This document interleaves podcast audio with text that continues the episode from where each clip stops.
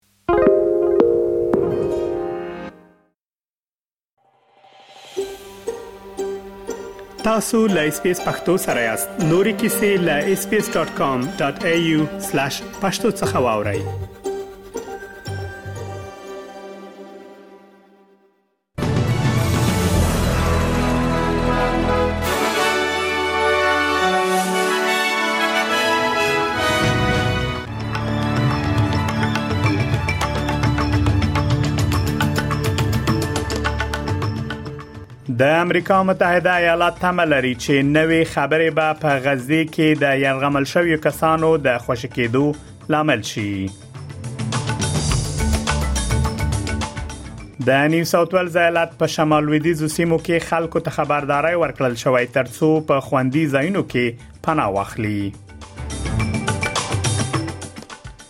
او په خیبر پښتونخوا کې د ایډز ناروغانو په شمیر کې کموالی راغلی دی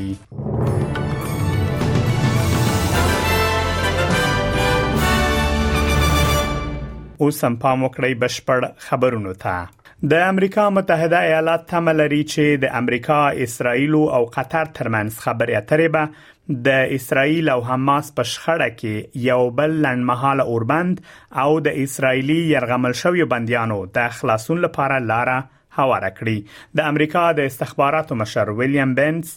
د پولند په پلازمینه وارسا کې ل خپل اسرایلی سیال ډیوډ برنیا او د قطر له صدر اعظم محمد الثانی سره کتلې دي دا د روان میاشتې ل پیل رئیسي د درې وړو ترمنځ لومړنۍ رسمي غونډه ده د متحده ایالاتو د ملي امنیت شورا ویاند جان کربي وایي د يرغمل شویو کسانو د خوشې کولو په اړه د ضایع کولو لپاره هیڅ وخت نشته هغه وایي هر دقیقه چې تیریږي یو دقیقه ده چې دوی باید يرغمل ونه اوسيږي او دا یو دقیقه ده چې دوی کېدای شي شکنجه جنسي تیری او وهلو سره مخ شي We're concerned about the tyranny of the clock. I mean, uh, every minute that passes is a minute that they shouldn't be held hostage is a minute that they're in, in harm's way, that the uh, a minute that they could be tortured, raped, beaten, or denied basic medical care. I mean, we have to assume that these people are being held in horrific conditions. And so that's why When I say we're working it hour by hour, that's not hyperbole. حماس اوس هم یو سلو نه ویشت تنه یرغمل نیولې دي حماس تر دې مخکې ویلي و چې په غزه کې د اسرایلو د پوځي عملیاتو د دایمي پای تر رسولو او د اسرایل لخوا د ټولو بندیانو له خوشی کولو پرته به د یرغمل شویو بندیانو له خوشی کولو سره موافقه ونه کړي په همدې حال کې د فدرال حکومت او کارګر ګوند وکیلان په غزي کې د دایمي اوربند لپاره له 200 څخه ډیرو اوسنیو او پخوانیو سیاستوالو سره یو ځای شوې دي په هغه لیک کې چې د نیو ساوث ویلز د کارګر ګوند وکیل انټونی ډم اډم او د دغه ایالت د ګرین ګوند وکیل جینی لیوینګ لخوا برابر شوی لاسلیک کوونکو موافقه کړې چې د ویسټ بانک او غزې اشغال د زغم وړ نه دی او نړیوال ټولنې ته د شرم لامل ګرځي په لیک کې د حماس لخوا د اکتوبر د 1 پیښه چې 1200 ملکی وګړي او د اسرایل په برید کې چې شل زره فلسطینیان وژلي غندل شوې دي په لاس لیکونکو کې د بهرنیو چارو پخوانی وزیران باب کار او ګیرټ ایوانز د ګرین ګوند ټول پخوانی او اوسنی مشران او د نیو ساوت ویلز د کارګر ګوند یو لس وکیلان شامل دي په دغه لیک کې د استرالیا له حکومت هم غوښتل شوی چې فلسطین د یو دولت په توګه په رسمیت وپیژني د کوینزلند ایالت په شمال کې د ورستیو سیلابونو لامل ټاکل شوی ترڅو د وجل وجل سیمه اوسیدونکو د کوک ټاون سیمه ته تخلیه شي د دغه سیمې اوسیدونکو تخلیه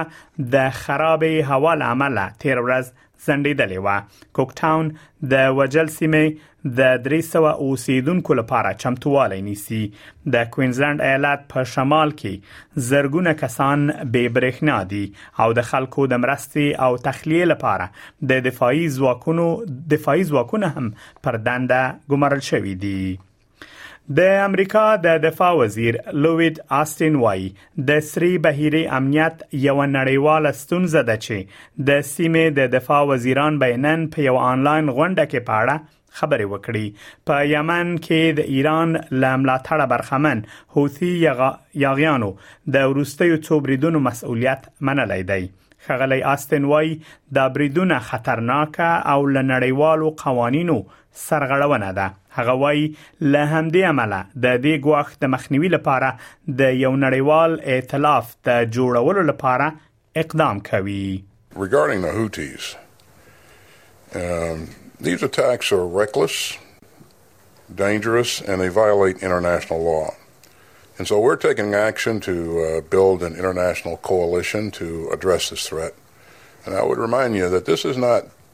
just a U.S. issue. Uh, this is this is an international problem, and it deserves an international uh, response. د نیو ساوت ویلز ایالت په شمال لویدیزو سیمو کې خلکو ته خبرداري ورکړل شوې ترڅو په خوندي ځایونو کې پناه واخلي ځینې اوسیدونکو ته ویل شوی چې د وټلو لپاره اوس نا وخت شوې ده د نیو ساوت ویلز ایالت د کلیوالو سیمو د اوروژنې اداره وایي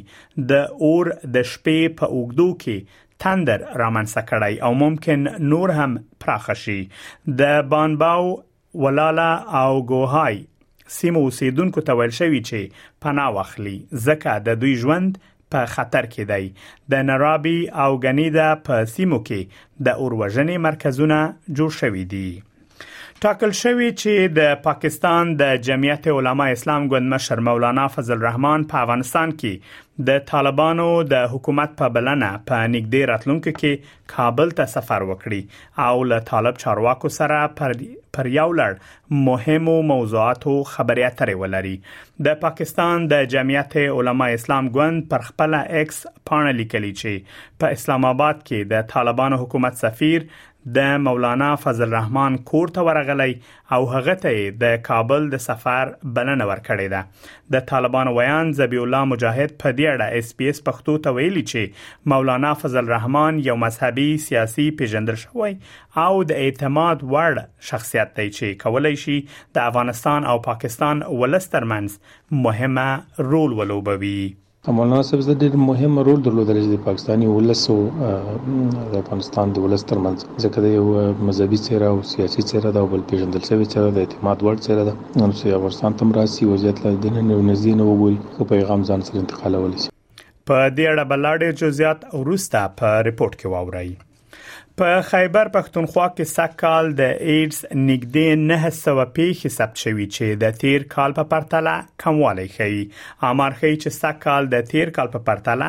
یو سلو وویشت کمې پیښې ثبت شوې دي په خیبر پښتونخوا کې له ایډ سره د مبارزې ادارې مشر طارق حیات وایي چې د شمیرو د کموالي اصلي لامل خلکو ته د پوهاوی ورکول دي ایچ آی وی کې جی سپیسیفیکلی د ټریټمنټ نه زیات اویرنس امپورټنت دی چې خلکو ته دغه میسج ورسي چې بای تاسو احتیاط کوئ په مختلف سيزونو باندې خاص کر چې تاسو په نظر کې تیریږي د استعمال شوی آلات تی چې د نایانو په دکانونو کې دا سرنجونه شو ان سکرین بلند بلډ شو اپریشنو کې چې وینه نه سکرین شو ایمرجنسي کې ورخي جی جی دین تاسو دغه کوي همیشه چې کم دی سکرین بلډ صفا اوزار